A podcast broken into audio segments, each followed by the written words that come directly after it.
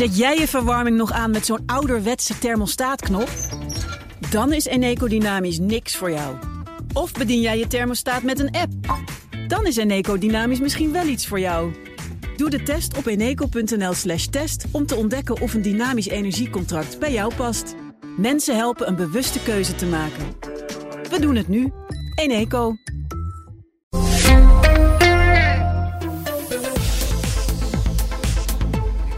Vandaag van de BNR Europa-verslaggever Geert-Jan Haan. Dag Geert-Jan. Goedemiddag Edwin. Laten we beginnen in eh, Oekraïne, want de Oekraïense opperbevelhebber die vreest voor een padstelling. Ja, opperbevelhebber Zaluzhny die geeft een interview aan The Economist. Een heel openhartig interview. En ja, vanuit Oekraïns perspectief komt hij niet heel erg met goed nieuws. Er wordt momenteel heel hard gevochten ehm, ja, in de gebieden die Rusland illegaal bezet houdt in Oekraïne. Er zijn heel veel beschietingen.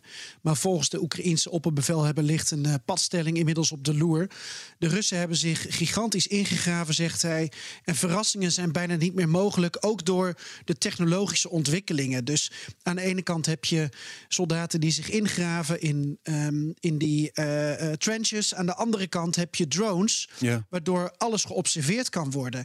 Dus je kunt elkaar bijna niet meer verrassen aan het front.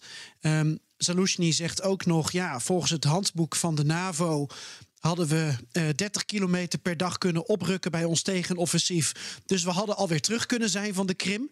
Maar um, het is gewoon niet gelukt. Want uh, uh, we hadden niet gedacht dat Rusland zoveel mensenlevens zou opofferen. We hadden niet gedacht dat ze zulke bizarre mijnenvelden zouden aanleggen. Hmm. En zich alleen maar zouden ingraven. Dus um, ja, wat dit verder betekent voor de toekomst. Hij, hij zegt een padstelling en het ziet er niet goed uit.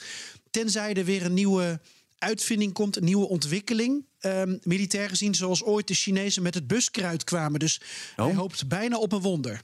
Oké, okay, dus het, uh, inderdaad, uh, ze hebben elkaar een beetje ingegraven allebei. Nou, dan gaan we naar het Midden-Oosten. Um, uh, de grenzen tussen de Gazastrook en Egypte. Hoe gaat het daar? Mogen al meer mensen oversteken? Ja, dat is een heel ander verhaal natuurlijk. Met een, een, een oorlog, een conflict dat weer opnieuw is opgeleid. waarbij we kijken naar de grens tussen Rafah en Egypte. Uh, met vandaag ook uh, Nederlanders, of in ieder geval mensen met ook een Nederlandse nationaliteit, die de grens over zouden mogen steken. Er was een, uh, een lijst met 400 namen vrijgegeven. Volgens Buitenlandse Zaken zouden er ook 20 mensen met een Nederlandse nationaliteit op staan. We hebben nog even contact gezocht vlak voor deze uitzending. er is nog geen update van hoe het met hun gaat. Mm. Ik zag wel bij de BBC dat die lijst inmiddels is geüpdate naar 600 mensen die vandaag die grens mogen oversteken. Waaronder ook uh, 400 mensen met een uh, Amerikaanse nationaliteit. Dus dat zijn de ontwikkelingen daar. Maar verder gebeurt er zo ongelooflijk veel, Edwin. Um, Israël komt met een update over het aantal gegijzelden in, in Gaza door Hamas. Dat zou inmiddels om 242 mensen gaan. Um, ja, en tegelijkertijd meldt Israël ook dat ze Gaza-stad aan de noordkant bijna hebben omsingeld. Dus op alle fronten gebeuren er ontwikkelingen. Ja, en die, en die mensen die uit de Gazastrook mogen naar Egypte, als ze dan daar zijn, wat gebeurt er dan met hen? Nou, bijvoorbeeld de Nederlandse ambassade in Egypte heeft dan een team klaarstaan om die groep mensen op te vangen en om ze bij te staan als ze de grens zijn overgestoken, want dan kom je in uh, Noord-Sinaï uit. Um, nou ja, uh, ze doen verder niet al te veel mededelingen om veiligheidsredenen over uh, ja, hoe precies uh, zij operationeel te werk gaan. Maar ze proberen zoveel mogelijk ondersteuning te bieden. Um, ja, we hebben het dus over twintig mensen en hun kernfamilies die gefragmenteerd als de poorten opengaan dan um, de grens over kunnen. Maar dan moeten ze wel ook het bericht hebben gekregen en er ook staan. Dus mm. het is spannend. Jij volgt inderdaad de Europese politiek. Je bent onze Europa-verslaggever over Israël. Er zijn veel verschillende standpunten. Je wilt Duitsland er nu uitlichten. En waarom juist Duitsland? Nou, er gebeurt ontzettend veel momenteel in Duitsland. Um, Hamas uh, en sympathiseren met Hamas is vanaf nu ten strengste verboden in Duitsland. Um, Duitsland is daar heel erg streng in. Uh, zegt ook, als je ook maar op een of andere manier sympathiseert... of ook op een of andere manier antisemitisch uitlaat... dan staat je um, uh, verblijfstatus ook op de tocht. Uh, dus zo streng zijn ze daarop. Waar wij in Nederland bijvoorbeeld ook tegelijkertijd wel pro-Palestijnse protesten toestaan, zijn ze in Duitsland daar veel strenger in. En je ziet met name twee groene politici die zich roeren. Dat is Annalena Baerbock, zij is de minister voor Buitenlandse Zaken. En Robert Habeck, uh, minister voor Economie. Dat zijn eigenlijk de twee groene kopstukken. Habeck geeft um, tot tweemaal toe grote video's vrij... waarin hij zegt dat er echt geen plek is voor antisemitisme in Duitsland. Mm. En uh, Baerbock tegelijkertijd tijdens een interview uh, bij het ZDF gisteravond... waar ik naar heb zitten kijken die wil toch wel aangeven uh, dat het humanitaire lot van Palestijnen ook belangrijk is. Alleen het grote verschil, Edwin, tussen de discussie in Nederland en de discussie in Duitsland is. Als we kijken naar die VN-resolutie waar we het vorige week veel over hadden. Hè, dus Nederland heeft zich onthouden. onthouden. Um, en de discussie in Nederland gaat dus over: hadden we ons daarvan moeten onthouden? Of hadden we vanwege de humanitaire situatie toch in moeten stemmen met die VN-resolutie? In Duitsland gaat het over: hadden we niet tegen die resolutie überhaupt moeten stemmen. In plaats van dat we ons eraan hebben onthouden. Dus er wordt op een andere manier naar de situatie gekeken. Hoe kan dat?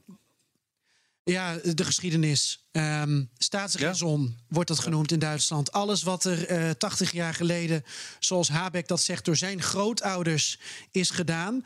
Um, dat willen ze niet nog een keer, niet wieder. En dat betekent dat ze op, op alle manieren eigenlijk de staat Israël en het lot van Israël willen steunen. En uh, dat de kant van de Palestijnen wel wordt gevolgd. En dat ze zich wel willen uitspreken tegen um, al het leed dat Palestijnen ook wordt aangedaan. Maar de discussie wordt toch net anders gevoerd dan bij ons in Nederland. Vanmiddag meer hierover in de BNR eh, De Wereld. Wie zijn er te gast eh, vanmiddag? Nou, dat is heel interessant. Uh, Bernard Hammelburg en ik spreken met Sven Koopmans. En hij is de speciaal vertegenwoordiger namens de EU voor het vredesproces in het Midden-Oosten. En hij is nu in Israël. En je hoort vanmiddag dus um, ja, hoe hij ermee omgaat. En hoe hij aan allerlei lijntjes probeert te trekken. om uiteindelijk tot een vredesproces uh, een versnelling daarvan te komen. En CDA-Europarlementariër Esther Lange die is bij Bernard te gast. En die gaat juist praten over hoe je in één Europese fractie toch al die verschillen hebt. Want ja, uh, bij het CDA in Europa, de EVP, zitten Ieren en zitten Hongaren. En die staan wat Israël betreft lijnrecht tegenover elkaar. Nou, hoe dat zich uitkristalliseert, dat hoor je vanmiddag vanaf drie uur in BNR De Wereld. Dankjewel, Europa-verslaggever Geert-Jan Haan.